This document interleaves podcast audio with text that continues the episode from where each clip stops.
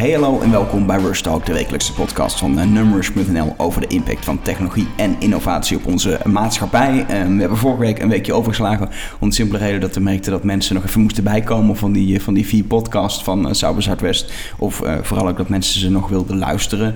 echt tot, tot in de loop van vorige week zijn er mensen mee bezig geweest. Inmiddels is hopelijk iedereen bij en kunnen we gewoon weer verder met onze wekelijkse sessies. Het is Rush Talk 11 en um, we hebben een soort feestje wat we vieren in deze in deze Rush Talk. Ja, Apple wordt 40 jaar deze 40 week. jaar? Ja, ja, aanstaande vrijdag op 1 april. Nou, dat is leuk grapje dit wel. dat vind, zal de humor van bedacht. Steve Jobs zijn, ja. Nee, het is echt 1 april uh, 2016 wordt Apple, uh, wordt Apple 40 jaar oud. Ze zijn opgericht in 1976 in, uh, in, een, uh, in een garage in Silicon Valley, zoals we het verhaal uh, inmiddels kennen. Ja. ik denk, wat dat betreft, we gaan proberen niet de films na te praten vandaag die we allemaal nee. kennen. Maar we gaan wel in de, ja, eigenlijk even in de historie van Apple duiken, maar vooral ook kijken naar het nu. Um, er wordt natuurlijk veel gepraat over Apple op dit moment ook. gaat het nou goed met bedrijf of slecht? Waar blijven de nieuwe producten? Nou, vorige week een, een, een productpresentatie gehad waar iedereen achteraf ja. zei...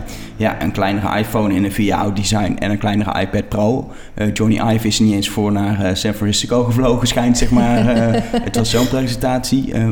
Waar blijven die nieuwe producten? Mensen, mensen verwachten of andere elke drie jaar toch een revolutie van Apple. Um, en de Apple Watch was dat niet. Dus, dus um, genoeg ook om over het nu te praten. Maar laten we helemaal beginnen dan bij die 40 jaar. In 1976, Marjolein. Jij weet dat nog goed. Ik weet dat nog goed. Het is al vijf jaar voordat ik er was. Nee, daarom.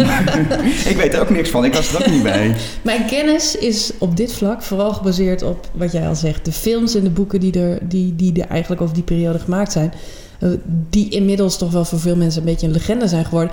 En wat wel grappig is, wat jij net zegt, over dat mensen verwachten eigenlijk elke drie jaar een verrassing van Apple. Iets bijzonders. En Ja. die, die basis, en dat zie je ook in de films, is eigenlijk in 1976 gelijk gelegd. Want die allereerste Apple-computer, de Apple 1, dat, dat was een revolutie. Uh, uh, Er zijn er 300 van gemaakt of zo, maar het was inderdaad een revolutie. ja, eh. allemaal uh, handmade products. Maar het was de, het was de eerste computer die uh, beschikte over een toetsenbord en een beeldscherm. En dat was revolutionair. Dat was nog nooit eerder vertoond. En uh, wat je in de film goed ziet, is dat ze blijkbaar helemaal de, de show stalen op de elektronica-beurs uh, van weleer. Omdat, omdat dat zo bijzonder was. En eigenlijk sindsdien wordt van Apple steeds weer inderdaad iets, iets revolutionairs uh, verwacht. Ja, die, die, die eerste fase van het bedrijf, die duurde eigenlijk denk ik als je een beetje in fases kan praten, een jaar of 8, 9 tot, tot, tot 1984 eigenlijk kwam eerst Apple 1, toen Ja, de Apple 2. ja. Uh, toen ging Steve Jobs helemaal los op, uh, op de Lisa, uh, vernoemd naar zijn dochter. Nou, in de film, de verschillende films, zeker die ene met, met um, Aston Kutcher, is heel veel aandacht voor die periode, omdat hij Ja. eigenlijk los ging werken van andere teams in het bedrijf aan de Lisa op een gegeven moment. En toen was daar plots in 1984 een Super Bowl commercial. Ja, nou, dat was vooral de Macintosh. Wat jij zegt, hij, hij is heel lang in, uh, bij het LISA-project uh, betrokken geweest. Op een gegeven moment is hij daarvan afgehaald en is hij doorgegaan met de Macintosh. En wat je ziet eigenlijk in die beginjaren is dat Apple heel erg bezig is geweest met uh, überhaupt het ontwikkelen van de personal computer markt. Ja. Want niemand geloofde daarin, laten we wel weten. 19 jaren 70, jaren 80. De meeste mensen waren van mening dat uh, personal computers, dat ging het nooit worden. Want waarom zou je in godsnaam een computer in je huiskamer zetten? Niemand geloofde daarin. Behalve misschien wel Steve Jobs, die daar wel degelijk een toekomst voor zag. Maar dan krijg je allerlei gesteggel over wat moet zo'n apparaat dan kosten? Wat mag Ja. het kosten?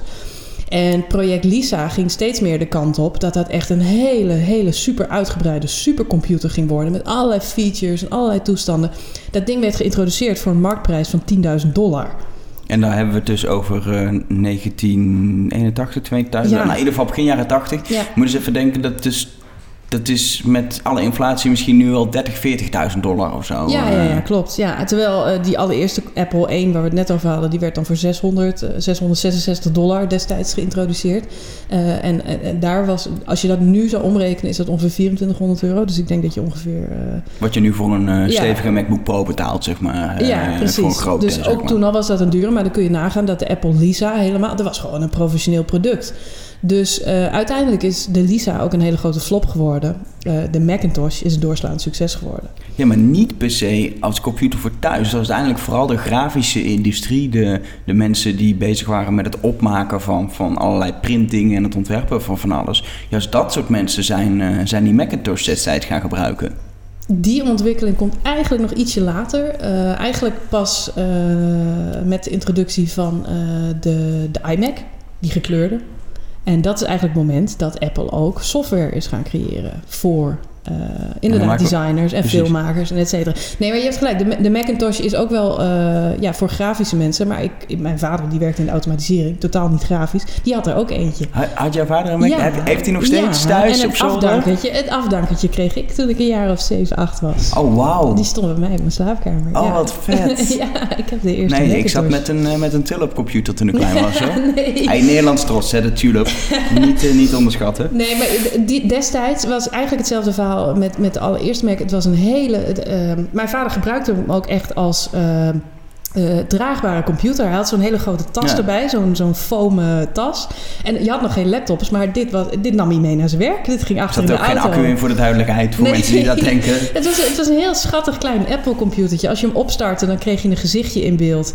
Uh, nou, het verhaal van Steve Jobs is bekend. Hij, hij volgde op de universiteit allerlei vakken, waaronder lettertypes. En was heel geïnteresseerd in design. En hij zegt, het moet er gewoon mooi uitzien.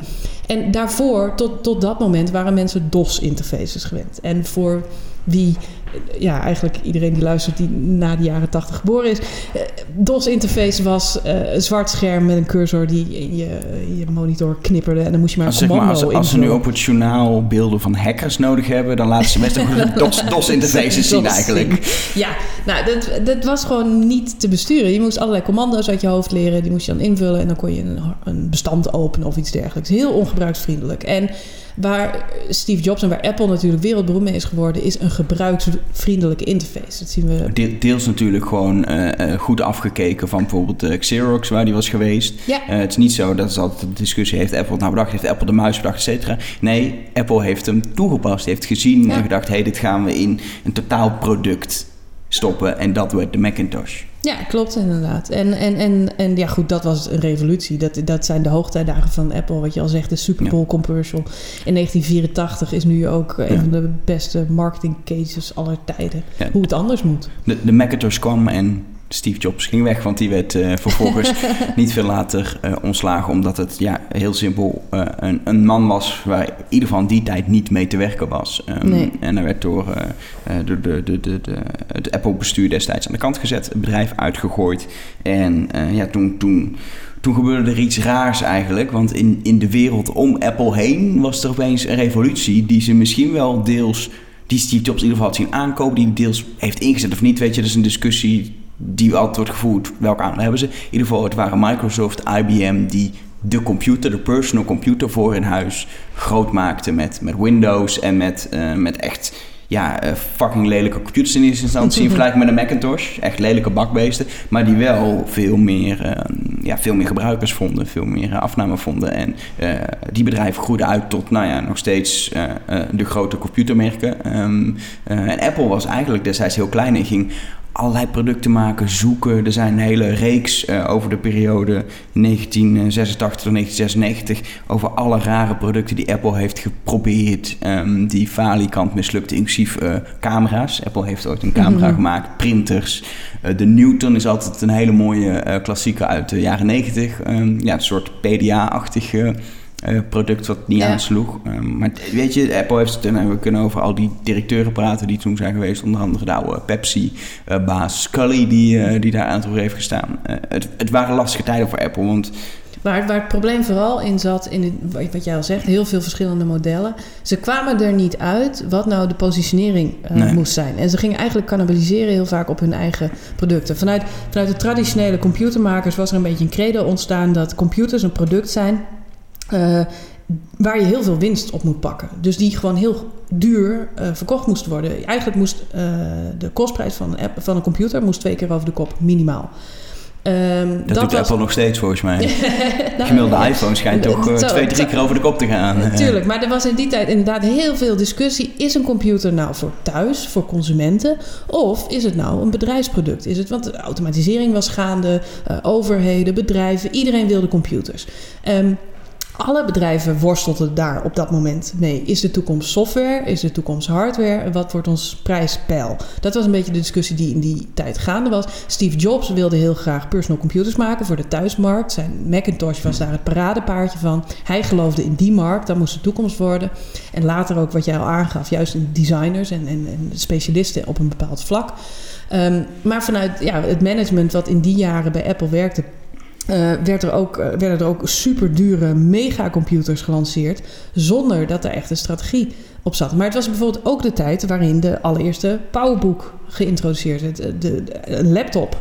Uh, wat een ontzettend succesvol model was. Um, maar tegelijkertijd hadden ze dan hele dure apparaten. Dus op een gegeven moment mensen snapten niet meer wat Apple was. marketing was niet goed op orde. Aandelenkoersen zakten. Het was echt één groot drama. Dus alles, alle succes die tot 1986 zeg maar, was opgebouwd, werd eigenlijk in de tien jaar daarna weer redelijk uh, om zeep geholpen. Ondertussen was uh, Steve Jobs uit pure ellende maar een, uh, een computerbedrijf begonnen. Dacht hij, leuk, ga computers maken. Slim. Dat heette Next. Nou, dat verhaal is zeker rond de dood van Steve Jobs denk ik bij een heel groot publiek bekend geworden. Was eigenlijk een beetje ondergeschoven kindje, want Apple was vooral iPods en dat soort dingen. Maar dat Next verhaal is, is eigenlijk heel belangrijk, want Steve Jobs is daar eigenlijk zijn visie alsnog gaan uitvoeren. Zonder succes, maar um, uiteindelijk in 1996, 97 is Steve Jobs uh, teruggekomen bij Apple, maar heeft Apple ook Next overgenomen. En nog steeds zitten er in de broncode van OS X uh, verwijzingen naar dingen uit Next. Want een groot deel van OS X is gebouwd op het besturingssysteem van, van Next, wat destijds door, door het team van Jobs bij Next is ontwikkeld. Dat is altijd een leuk detail. Maar Steve Jobs kwam dus eind jaren 90 terug in, nou ja, zoals het altijd wordt omschreven, een puinhoop bij Apple. Uh, een, een, bedrijf zonder, zonder duidelijke visie, zonder sturing. Uh, het eerste hij heeft gedaan is geloof ik de halve productlijn gekild. Uh, ja, ehm, hij heeft vooral lopen schrappen als interim CEO. Letterlijk iemand die, die tijdelijk schoon schip zou komen maken. Um, ja, ja eerst was hij alleen nog maar adviseur, want ze hebben ja. Next inderdaad overgenomen. Ja. Dat was 96 en 97 werd hij toen werd hij interim CEO. Of I-CEO, dat is altijd een leuke dingetje, een klein ietsje voor zijn naam.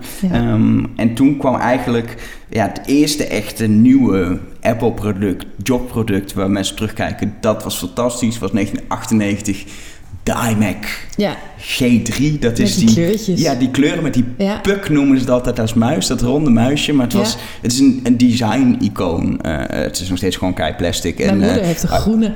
Ja, als je nu ziet, dan denk je... thuis een Apple-museum. Ja, dat is leuk. ja. misschien moet je gewoon toegang voor gaan vragen of zo. dat is echt... Uh...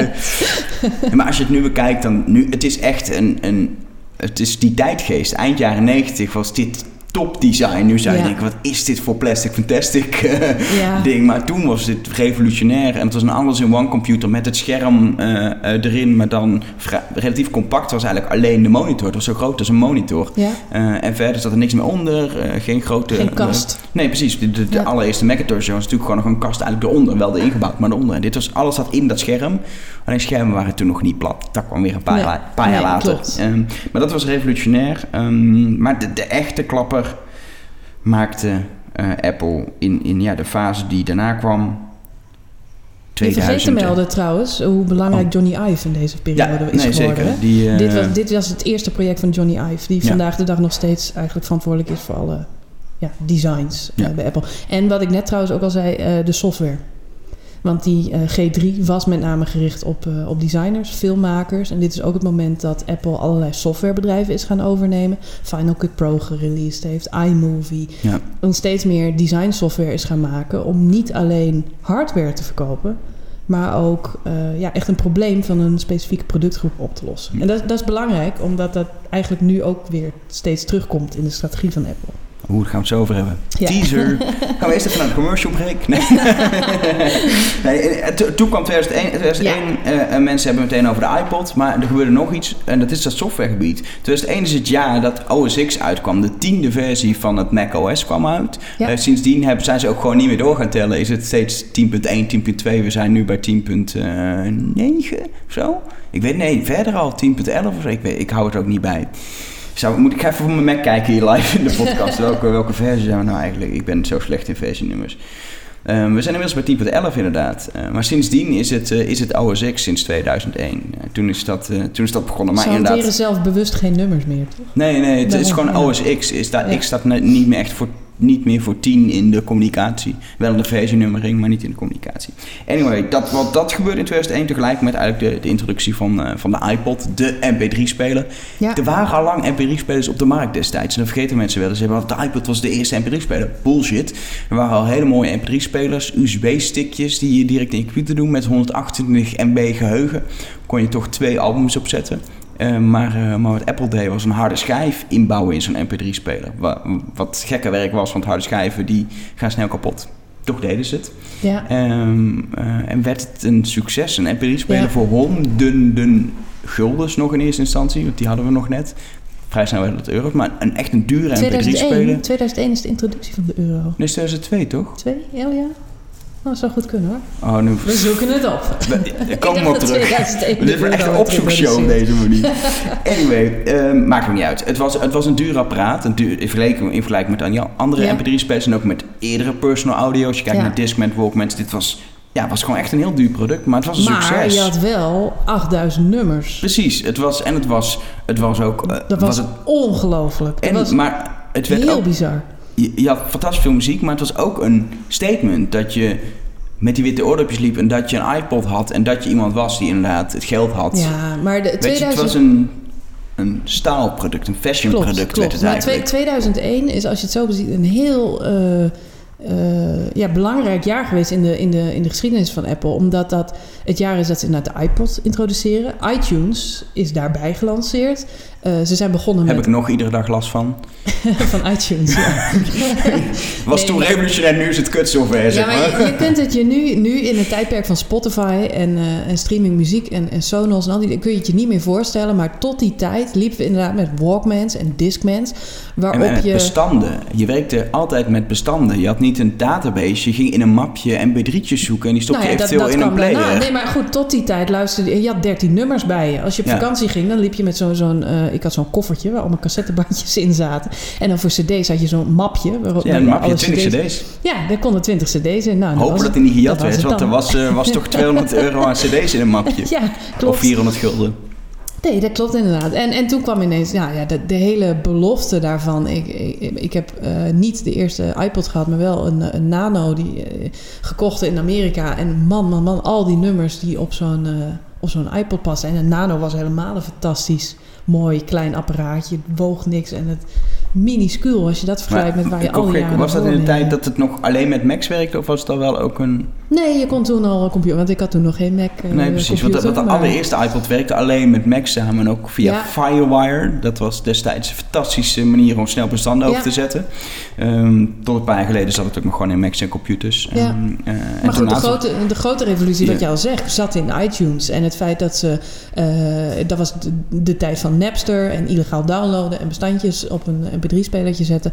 En eh, zij probeerden dat toch weer in de legaliteit te trekken. Ja. En eh, ja, met de muziekindustrie een een deal te sluiten... wat eigenlijk, ja, als je kijkt naar waar we nu weer in zitten... met, met films en met series en met Netflix en et cetera. We hopen en we duimen volgens mij allemaal dat er een, een, een oplossing komt die steeds meer richting subscription gaat. Wat ze nu Ja. met Apple Music ook weer hebben. Het zou fantastisch zijn als Apple dat bijvoorbeeld met Apple TV ook voor elkaar gaat krijgen. Dat je gewoon onbeperkt. Ja, alleen de positie toen was zo anders. Ze waren de underdog en weet je, misschien gaan ze het redden, misschien niet. Maar het bedrijf had nog geen macht. Die heeft die macht gekregen door Ja. die deals te sluiten en iTunes Ja. op te richten. En opeens de plek te worden om legaal aan muziek eh, eh, te komen en volgens op je iPod te zetten. Ja, En je ziet nu, hoor je ook veel uit de industrie, dat bij films, weet je, het is opeens, Apple is een hele dominante speler. Als je daar een deal mee sluit, is dat ook de, als iedereen een deal sluit, is dat de killing deal voor de hele sector. Dat Ja. bepaalt de sector. En het was toen, hadden ze dat idee niet, dat dat bij muziek uiteindelijk ook zo werd. Maar dat ze tekenen van, oh, doe maar, leuk, mp3-winkeltje, dan kopen mensen mp3'tjes en Nou, eh, prima. Het is, het is gewoon een van de beste voorbeelden dat, dat Steve Jobs of Apple eh, nooit halve maatregelen neemt. En dat is iets wat je veel elektronica-producenten, vind ik, op dit moment kunt verwijten.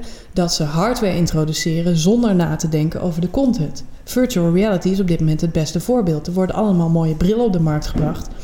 Uh, maar waarom zou je zo'n bril kopen? Wat, wat is er voor content? Kan ik films of games? Er, er is nog bijna niks ik, ik hoorde onze redacteur Stan over de Passion. Dat schijnt heel goed te zijn geweest. uh, virtual reality. De uitzending naar een pilaar zitten kijken. ja. nee, maar het is wel een voorbeeld, weet je. Dan probeert de partij content te maken en het is gewoon ja. crap. En dat doet alleen maar af aan het mogelijke succes wat virtual reality kan hebben als er wel goede content is. Als je eerste ervaring slecht precies. is... En dat, en dat is precies de ja, eigenlijk de filosofie van Steve Jobs altijd geweest. Dat je een, product, elektronica staat nooit op zichzelf. En als je niet nadenkt over hoe je uh, mensen dat product gaat laten uh, gebruiken en wat ze ermee kunnen doen. Als je, wat voegt het toe aan hun leven? Als je daar niet over na hebt gedacht en SEC alleen maar een product introduceert, dan werkt het niet. En, en dat is iets wat we. Nou, zie de Apple Watch, zie alle wearables. Zie, er, de, de, er wordt zo weinig nagedacht over wat heeft de mensen nou aan. En, en dat uh, deed Apple niet. Apple had iTunes en de iPod en later de iPhone en de App Store. Ja, vlak voor de iPhone uh, kwam er nog een, een, op computergebied eigenlijk een kleine mm. revolutie. De bekende witte MacBook. Iedereen had toen een witte iPod en toen kwam de MacBook uh, die niet meer op bouwen PC-processoren draaide. Maar Apple ja, hulde voor hun gevoel een beetje met de vijand, maar het moest wel. Uh, er kwamen Intel-processoren in uh, Macs, waardoor ze eigenlijk in één klap een stuk krachtiger werden, maar ook een stuk opener om bijvoorbeeld de Windows op te, op te zetten. Um, en nou ja, we kunnen inmiddels concluderen dat het een van de beste stappen is geweest op de, voor de computer, voor de Mac-lijn, dat ze die Intel-processoren hebben, hebben geïntroduceerd. Want daardoor, ook doordat mensen al een iPod hadden, was Apple een cool merk. Ja, dat, die, die eerste MacBook wit, heel opvallend design, zag er strak uit. Uh, en mensen kochten dat. En ik zelf ook. Ik heb in 2006, 2007 die eerste nog net...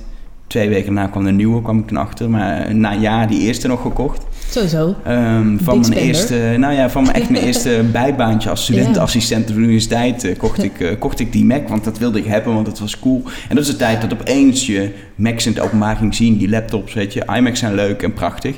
Maar dit was het moment, en je had wel mensen met een Powerbook, maar dat waren toch een beetje rare mensen, nerds die zo'n i of Powerbook hebben. Maar opeens werd die MacBook een soort van statement. Je bent hip, dus je hebt een MacBook. Zoals Ja. je nu in elk koffietentje alleen maar mensen met een MacBook ziet en één sneu iemand met een blazende Windows laptop, ja. zeg maar. Nou ja, maar goed, wat Apple goed gedaan heeft, is de branding. En dat geeft Ja. iedereen ze na. En op een gegeven moment, ik kan me herinneren dat eh, we waren net begonnen met OK Go. En we zaten op een kantoor in Amsterdam-Oost.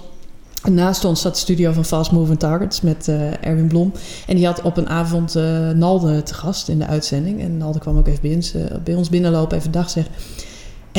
En hij zegt, wat hebben jullie daar nou staan?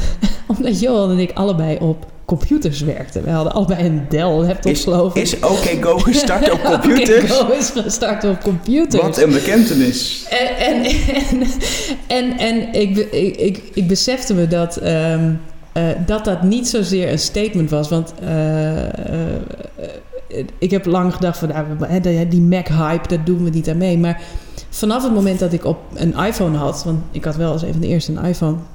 ehm, dat, dat ecosysteem van Mac zo prettig is. En dat heeft me uiteindelijk ervan overtuigd om ook op een Mac computer te gaan werken. Omdat eh, alles met elkaar samenwerkt. En weet je wel, jij zegt nu van het hippe, want ik wil, ik wil niet dat dit een of andere Apple fanboy Nee, nee, nee, eh, podcast eh, klinkt. Wat mij uiteindelijk overtuigd heeft, is, is dat. Dat het eh, efficiënter werkt in de praktijk. En dat zien we nu dagelijks hier ook op de redactie. Ja, dat in combinatie met, met alle apps die je op je mobiel hebt en op je tablet. En screenshots maken, de gekste dingen. Het is echt een, een computer die is gemaakt voor creatieve mensen met een creatief beroep. En, eh, en daar is het eh, een ideale eh, setup voor. Totdat je er ook wil gebruiken. Ja, ja dan Qua een dat is, daar kun je een aparte podcast over maken. Mijn frustraties met AirDrop. Ik zo vaak te vloeken als ik Maar een fotootje de- wil openzetten. Ja, de afgelopen jaren moet ik wel bekennen dat, dat Mac op dat vlak nog veel verder vooruit is gegaan dan, dan in 2007, 2008 het geval was. Nee, zeker. Nou, 2007, 2008 is eh, de periode dat, eh, dat, dat de iPhone kwam. Ja. Ehm, die kwam dus voor duidelijkheid, en dat is dat goed om te realiseren, zes jaar na de iPod. Daar zat best wel een gat tussen. Je Ja, denkt de klopt. iPod en toen kwam de iPhone, maar dat is hoe het op lange termijn dan lijkt. Hebben we Maar lang het duurde, duurde zes jaar. Toen kwam de iPhone. Toen En, hadden we eh, al een hele tijd mobiele telefoons. Want En, ik en ook met en touchscreen alles. smartphones. En, eh, want eh, dat was, veel mensen gebruikten BlackBerry. Ik had zelf een Nokia N73 was het geloof ik. De N95 was toen ook heel Die, cool. Die ja, met die schuifklep. ja, die heb ik ook een tijd gehad. dat was de telefoon bijna zeker. Er zat een goede camera in. En ik kon ermee op internet soort van. Dus periode 2006, 2005, 2006 waren heel veel mensen al online. Ik weet niet, Twitter gebruikte ik toen al, Ja. maar op een Nokia. Maar wat een werk was dat. En toen Ja. kwam in 2007 Ik had, een, eh, ik had een Windows Mobile met volledig eh credit toetsenbord hoor. Dus een soort, soort mini-laptop had ik in mijn broekzak. Ja. Dat was een kast van een ding. Eh, met zo'n stylus. te typen. Ja, ja, En, ja. ja. en toen, toen kwam de iPhone inderdaad. Ja, dat maakte wel echt een verschil. Dat Nou, is eigenlijk pas de tweede iPhone. De iPhone 3. Dat is sowieso degene die pas in Ja. Nederland uitkwam. Maar ook daarmee werd de App Store geïntroduceerd. De eerste Ja. iPhone had een aantal apps. En de, je had een browser, kwam je op internet. Je had een berichtenapplicatie. Muziek, want het was eigenlijk de iPod ging in Ja. de iPhone. Eh, je had de belapplicatie. Maar, en je had Maps van Google, was handig. Maar dat hield eigenlijk ook wel een beetje op. En de, en de internetverbinding was eh, GRPS, oftewel fucking Mhm. traag internet. Dus die Ja, eerste was was een aardig product. Maar als je het nu terugkijkt, was, eh, miste het ongeveer alles wat het echte succes voor de iPhone heeft betekend. Nou, wat, wat ik net al zei, wat het voor mij uiteindelijk, want ik ben nooit voor Apple gegaan puur voor de hipheid, want daar zet ik me het liefst een beetje tegenaf. Maar ik ben wel overstag gegaan omdat het me tijd bespaart. Ja. En dat eh, deed de iPhone direct. En er waren zoveel dingen, e-mailen, nou ja, twitteren, foto's maken en uploaden. Al die dingen zaten ineens in één device. Er zat een goede camera in, wederom. Oog voor, voor kwaliteit. Dus daar ben je natuurlijk altijd voorop en dat is belangrijk. Ja, en daar kies je uiteindelijk dan wel voor. Ja, en toen volgde niet veel later een stuk kort tijdgat dan met de eh, iPod. En de iPhone was iPhone, iPad. Ja, waar zouden we die nou voor nodig hebben? Een groot scherm. Iedereen vond het zo'n er was- onzin. het, het, het punt was destijds, er was een soort hype. Er zou een iPad komen of de iSlate. Ja. Eh, ik weet dat nog goed. Er werd heel erg naar opgebouwd in de media. Toen had je echt al die Apple fanblogs eh, die erover schreven en al die geruchten. Eh, hij zou komen en toen was die aankondiging en iedereen dacht... Is dit alles? Het is gewoon een grote iPhone. Waarom zou je hem willen? Wat moet je ermee? Iedereen had zoiets van, wat een teleurstelling. Dat was de Mhm. eerste keer dat we echt, volgens mij, een soort van teleurstelling hadden... na, na zo'n Apple opgebouwde hype door de geruchten. En er zat toen een tijdgat van drie maanden van de aankondiging tot release. En daarin gingen Ja. mensen bijdragen. We gaan hem toch, toch wel hebben. En ik weet nog goed, ik heb hem zelf toen uit Amerika gehaald... omdat ik wel echt fucking benieuwd was... En het was een, was een bizarre tijd, want je kon daar niet mee in het openbaar werken. Daar kon je niet meer in de trein zitten, want dan moest je alleen maar met mensen praten. Oh, dat is die, dat is die iPad.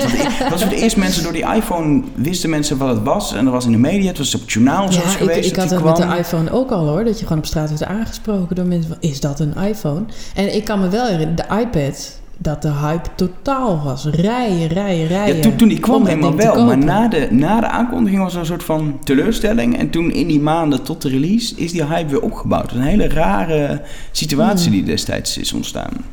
Hmm. Nou, ik kan me wel herinneren dat het ding mega populair was. En eh, dat, dat echt heel veel mensen dat, eh, dat device direct wilden hebben. En het heeft natuurlijk ook wel zijn meerwaarde bewezen. Nu zie je met de iPad Pro weer een beetje hetzelfde verhaal. Dat mensen eh zoiets hebben van ja, nog grotere tablet. Maar je zag vorige week al in de productaankondiging dat Apple natuurlijk een beetje zich aan het richten is op misschien wel het verdwijnen van laptops. En in ieder geval ook op weer een specifieke zakelijke, eh, professionele doelgroep. Zoals ze ook met de Macintosh destijds creatieve mensen. Dat proberen ze met de Ja. iPad nu ook weer met de Ja. iPad Pro te doen. Designers. Mensen die willen designen, die met foto's bezig zijn. eh accessoires richten daarop. eh, eh, eh, software richten op, diensten Ja. richten daarop. Dat is weer opnieuw inderdaad eh, eh, een hele duidelijke eh, focus. Het is een van de meest eh, succesvolle productgroepen, de iPad op dit moment. Dus, eh, Ja, maar hij vlakt wel af in eh, eh, verkoop. Om simpele reden dat. En dat is een, dat is een, een lastige uitdaging. Weet je, eh, ook ouderen is fantastisch, een iPad, weet je, heel veel gebruiken. Maar je koopt zo'n ding en, weet je, nerds kopen misschien eens in twee jaar een nieuwe. Maar mijn ouders, die hebben een iPad en dat is prima, weet je. De- op een gegeven moment is die een keer stuk en dan kopen ze een nieuwe. Want dat is die generatie ook een beetje hoor. Maar er is weinig trigger om steeds een nieuwe iPad te kopen. Dus dat is een probleem voor Apple, dat mensen niet zo gauw een nieuwe kopen. En bij een iPhone zie je het ook al afzwakken. In het begin was het elke twee jaar kocht je toch wel een nieuwe. En nu is het eigenlijk is een oude iPhone van vier jaar geleden nog steeds een eerste iPhone 5. je mist die vingerafdrukscanner en hij is iets trager. Maar op zich kun je er alles mee, weet je. Het is niet dat het een minder, heel veel minder product is. Dus de, bij de, zowel de iPod als, als, de iPhone zie je dat er minder reden is om sneller te kopen. En dat drukt langzaamaan uh, uh, wel de groei van, van verschillende producten bij Apple. En dat is de fase waar we nu in komen. Weet je, er is een Ja. fase geweest, groei, groei, groei, groei, groei. En ja, er is altijd een einde aan groei. Ja, en, wat- en, die mij is het- fase is er nu.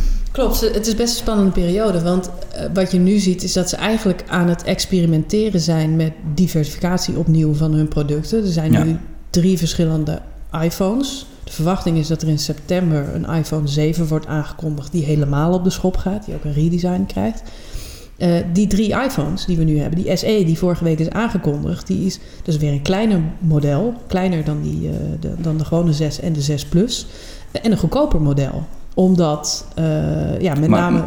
Maar wel een high-end model qua, Ja. qua specificaties. Het is een oud design, maar het heeft de rekenkracht van de nieuwste iPhone. Het heeft Precies. alle, alle functies behalve Ja. de 3D-touchscherm. Verder is het gewoon een supergoeie camera, super rekenkracht, eh, Touch ID, Apple Pay. Alles wat je erin wil alles, hebben. alles wat je wil hebben van een iPhone zit erin. Maar ze kwamen erachter dat eh, een, een iPhone Plus, die, die doet het goed. Maar er zijn mensen die graag een groot scherm willen. En vaak ja, mensen die, daar de, die het niet erg vinden om zo'n groot toestel in je, zak te hebben zitten. Ik vind het verschrikkelijk. Ik heb er gewoon een Johan heeft volgens mij zo'n grote toch? Die heeft zo'n grote. Maar die heeft ook hele grote broekzakken volgens mij. Maar dat ik, ik, mannen hebben over het algemeen grotere ik- broekzakken. ik heb al, ik heb broek eh, waarin ik mijn iPhone 6S al bijna niet kwijt kan. Dan heb ik dus de, de kleine van de twee, Nee, zeg maar. er zijn, er zijn Eh. kledingfabrikanten die op dit moment grotere zakken zijn Ja. gaan maken.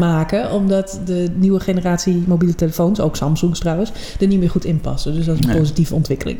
Dat is op zich goed, ja. Er is ook een, een, een petitie, geloof ik, want vrouwenzakken die zijn altijd kleiner dan Ja. mannenzakken. Dus er zijn nu ook, eh, ik geloof eh, dat er een dame is die een initiatief gestart is om eh, te zorgen dat wij ook grotere broekzakken krijgen. Maar ik verwacht ook echt dat die iPhone eh, SE, dat vooral Ja, dat- relatief dat- veel ja. vrouwen die zullen kopen. Omdat, Nou, eh, omdat niet daar alleen. echt wel eh, dat niet een markt is. eh, ja, maar ik denk niet specifiek vrouwen. Ik denk dat zeker vrouwen in het zakelijke segment die wat meer eisen hebben aan een toestel ook wel een, een, eh, een gewone 6 willen. Ik denk dat de kleine eh, met name ook eh, gericht is op bijvoorbeeld bedrijfsabonnementen. Ja. Dus als je werknemers hebt, dan wil je wel dat je... eh, je geeft een telefoon van de zaak, maar je wil wel dat dat een beetje betaalbaar is. Nou, dan hoef je niet zo'n... eh, Het scheelt wel 50 euro, dus dat, is, dat, dat tikt Precies, hard aan. Voor sommige eh, bedrijven is dat de kostenpost waarop ze kunnen besparen. En, en er zijn heel veel mensen, weet ik, nou mijn ouders die hebben allebei een, een 5 en een 4, een iPhone geloof ik. En die, ik kom wel uit een Apple-familie persoonlijk. Ehm, maar die, die geven echt de voorkeur aan zo'n klein toestel. Nee, die willen niet zo'n grote. Dus, eh, dus ik denk dat er veel, eh, veel markt is voor een klein toestel. En met de iPad zie je eigenlijk hetzelfde verhaal. Er is nu een grote, er is een mini, er is er eentje tussenin. Eh, elk van die Pro, formaten... pro. Pro, niet pro. Elk van die formaten heeft zijn eigen specifieke doelgroep. En, en daarmee zijn ze nu aan het experimenteren. In de grotere lijn zie ik gewoon dat Apple aan het experimenteren is met schermen. Hm. En het, het heet nog eh, een MacBook of een iPad of een iPhone of een iPod Touch of whatever. Of een eh, iWatch, ehm, eh, Apple Watch, sorry. Ehm, maar eh, in de grotere lijn zijn ze gewoon aan het kijken van eh, welke schermen gaan mensen in Maar- de toekomst gebruiken. Ook al bij MacBooks. Je hebt de- de ouderwetse zeg maar, MacBook Pro. Gewoon een degelijke Ja. eh, MacBook 13 inch, 15 inch. Dan heb je die kleine 12 inch, maar daar zitten dan weer geen poorten aan. En dat is eigenlijk alles. Het is een soort iPad met een toetsenbord.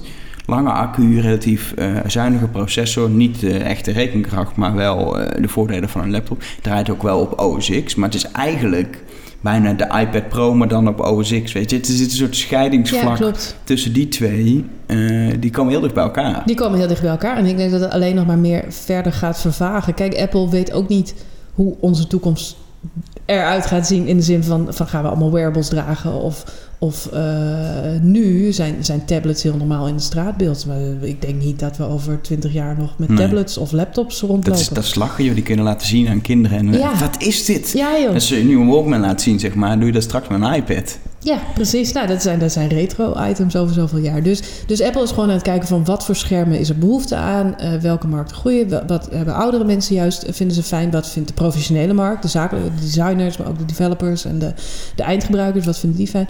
Eh, en ze zijn aan het kijken waar gaat het heen. En, en dat is eigenlijk de productdiversificatie die ze op dit moment toepassen. Maar, maar volgt dan niet opnieuw zo'n slag als in de tijd dat Steve Jobs terugkwam eind jaren 90, dat op een gegeven moment er eh, dat het misschien minder gaat en dat er op een gegeven moment iemand komt die zegt: We gaan even de schop erdoor, we gaan gewoon de helft van die producten gaan we even afvinken. Die Apple Watch geen succes, weg ermee.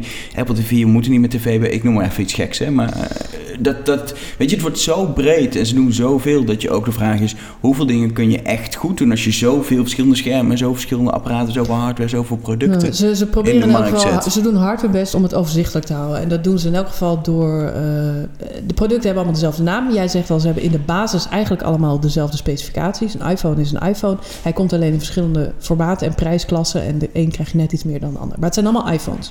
De, niet, de een is niet de, eh, de iPhone eh, S183C. En de ander heeft een heel andere naam. Dus dat doen ze in elk geval En werkt goed. dan niet samen met je Apple Watch precies, en de ander wel, precies. zeg maar. In dat opzicht zijn ze veel eenduidiger dan, dan eigenlijk alle andere elektronica merken die op dit moment producten op de markt uh, brengen. Uh, ik denk wel dat ze producten zullen gaan afstoten. Ik vond het frappant dat de Apple Watch nu al goedkoper wordt. Uh, sowieso en dat is de, de, de, gouden is verdwenen uit de Apple Ja. Store. Die Ja. is nog wel vaag in een hoekje van de site te vinden, maar er wordt eigenlijk niet meer gepromoot. En ook in de Nee. winkel ligt die inmiddels niet meer. Nee, er zou wel sprake van zijn dat er in september een nieuw model wordt aangekondigd. Dat kan ook de prijsdaling verkopen, want dan moeten ze gewoon van de oude voorraad af. Uh, maar het zou ook kunnen dat dat echt een testproduct is... waarvan ze nog even kijken van zit daar potentie in, zit daar markt in... kans is groot dat, uh, dat het gekild wordt. Ja, wie weet, dat zou nog wel een ding zijn. Dat, Ja, Apple dat Watch zou- gewoon, dat dat, er maar één Apple. Watch zou zijn. Dat is wel, Apple weet zelf ook nog niet wat mensen ermee moeten. Ontwikkelaars qua apps is het ook vrij snel stilgevallen eigenlijk. Het, eh, Apple Watch wat dat betreft, eh, er moet iets gebeuren in ieder geval om, om daar weer een soort boost in te hebben. Want het is nu, weet je, het is een aardig. Ik ben er best wel blij mee. Eh, maar het is vooral het is handig voor mijn notificaties en een paar hele kleine dingetjes. Ja. Het is niet, weet je, het is niet meer. mm, Er zit veel meer in voor je gevoel, maar de vraag is wat, zeg Ja. maar. En elke Apple weet het niet. Dat is een beetje de situatie. Niemand weet het. Nee, nou ja, goed, de misvatting is wat mij betreft een beetje... dat iedereen zich blind staart op ehm, de Apple Watch.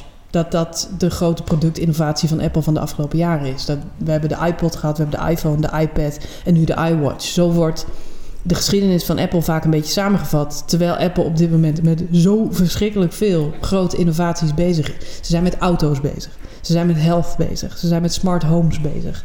Uh, ze zijn met media en Apple TV en, en die toekomst bezig. Um, dus het de, zit ook niet allemaal in kaderproducten.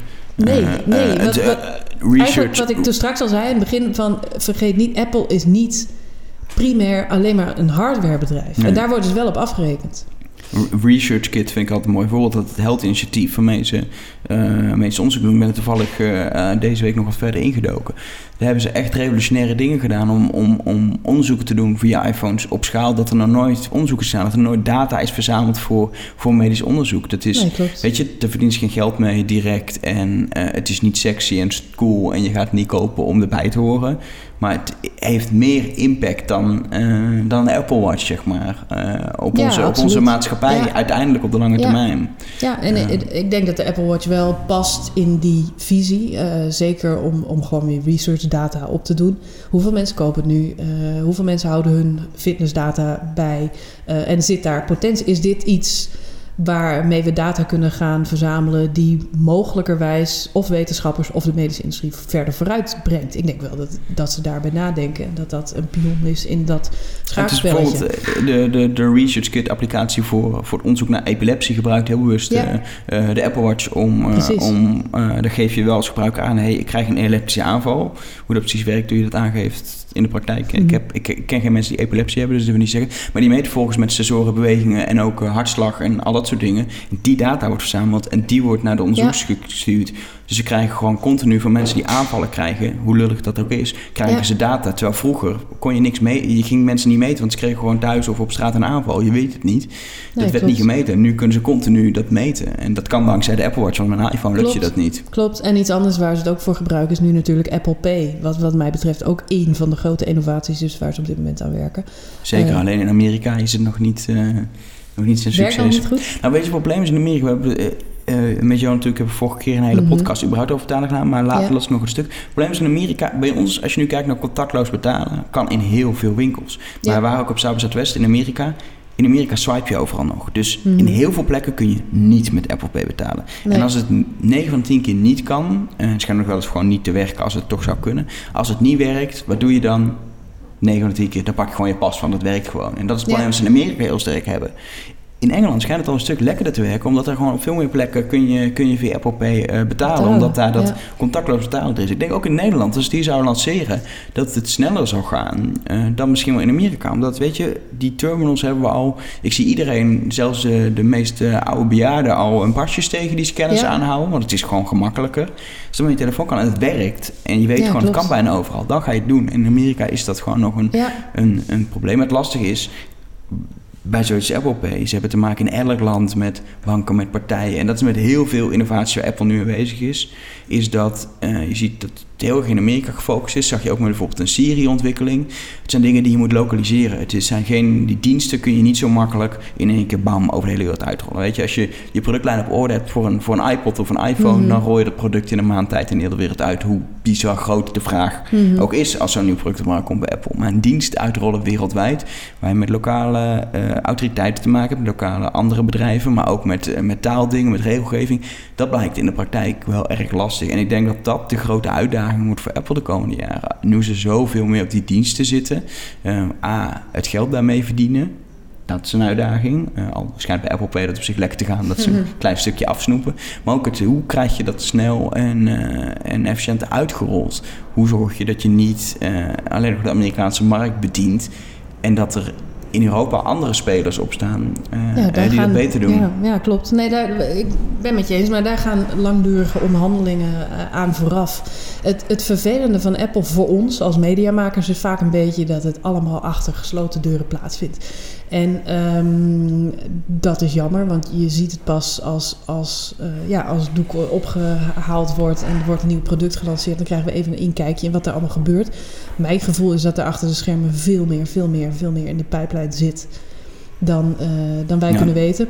En het is, het is in die zin dapper dat Apple dat eh, zo geheim weet te houden. Want het makkelijkst zou natuurlijk zijn om daar veel meer van naar buiten te brengen. Omdat het ook je beurskoers positief beïnvloedt. En eh, dat doen ze niet. Wat dat betreft zijn ze vrij principieel. Zie je nu ook weer in die discussie met die privacy en die dat encryptieverhaal met Tim Cook en de FBI. Apple staat wel voor dingen. Eh, en, en dat is best bijzonder. En op dat vlak eh, heb Dat ik is wel... misschien, misschien is dat nog wel hetgene wat Steve Jobs het meest Ja. heeft bijgedragen. Je ziet wel een stukje Ja. cultuurverandering. Apple wordt iets opener, et cetera. Maar bepaalde gewoon ergens voor staan. En je niet te veel laten afleiden door de buitenwereld, door anderen of wat mensen zeggen voordat je iets hebt gedaan. Weet je, Apple probeert het en, en, en trekt een lijn door en eh, eh, doet wat ze zelf willen. Ik denk dat dat super belangrijk is, ook op lange termijn voor, voor Apple. En dat is echt iets wat wel vanuit Steve Jobs gekomen is, volgens mij. Nog meer dan misschien wel productidee. Ja, klopt. Het zit ook wel in Tim Cook, denk ik. Ondanks dat het best wel een eh, introverte man is, wat ik ervan begrijp. Is hij wel degene die nu dit debat rondom encryptie Ja, nou, zeg hij, maar, heeft zich, hij heeft zich ook echt van een hele andere Precies. kant laten zien eh, in Hij, dit hij is ook debat. degene die, die dan een paar jaar geleden bekend heeft gemaakt dat hij zelf homo was. Niet omdat hij dat naar buiten wilde brengen, maar omdat hij vond dat het belangrijk was dat meer mensen daarvoor uitkwamen. En dat die discussie Ja. in Amerika eh, gevoerd wordt en dat het gewoon normaal wordt. Ehm, en ook degene die eh, een hele research-afdeling heeft zitten, die bezig zijn met groener ondernemen en groene technologie ontwikkelen. En die campus die nu gerealiseerd wordt, omdat hij ook van mening is, het is leuk al die technologie. Eh, maar we moeten ook na gaan denken hoe de wereld op termijn eh, zeg maar, kan blijven bestaan. Eh, dus, dus ja, goed, er zit wel altijd een principiële gedachtegang achter. En dat is aan de buitenkant niet altijd duidelijk. Wat ik intrigerender vind, en ik vind het jammer dat toch na een Apple-event mensen altijd alleen maar zeggen van... Oh, het is een iPhone die wat sneller of wat eh, betere camera heeft of, of er is niet zoveel nieuws. Is zijn, zijn ja, al deze grote innovaties, Apple Pay en, en Home en eh, de auto, eh, Project Titan, waar ze nu mee bezig zouden zijn. En, eh, Zouden zijn, hè? Weten niks zeker. zijn. We weten Ja, niks we zeker. weten niks zeker. Maar het is, er gebeurt daar veel meer dan, dan je aan de buitenkant ziet, helaas. De grote vraag is natuurlijk, nog 40 jaar?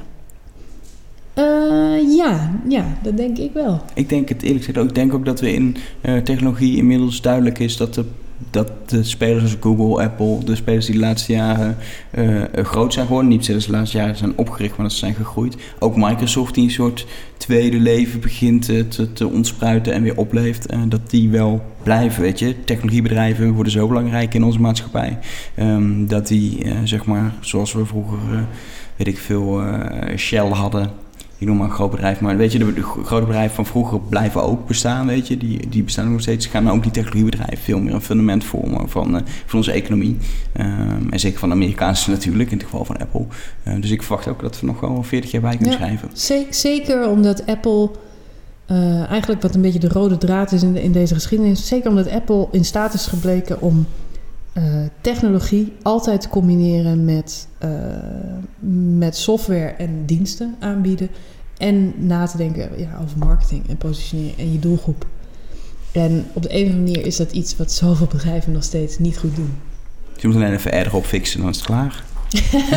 Dan is het klaar. Is- Overigens, overigens nog leuk, wat misschien eh, de vraag die mij nog wel We zijn, we zijn over de tijd heen, Marjolein. Nog één Nee, vraag. Denk nou, jij dat Apple met een virtual reality bril komt? mm, ik denk Ja. dat in het geval van Apple augmented reality toepassingen realistischer zijn dan virtual reality.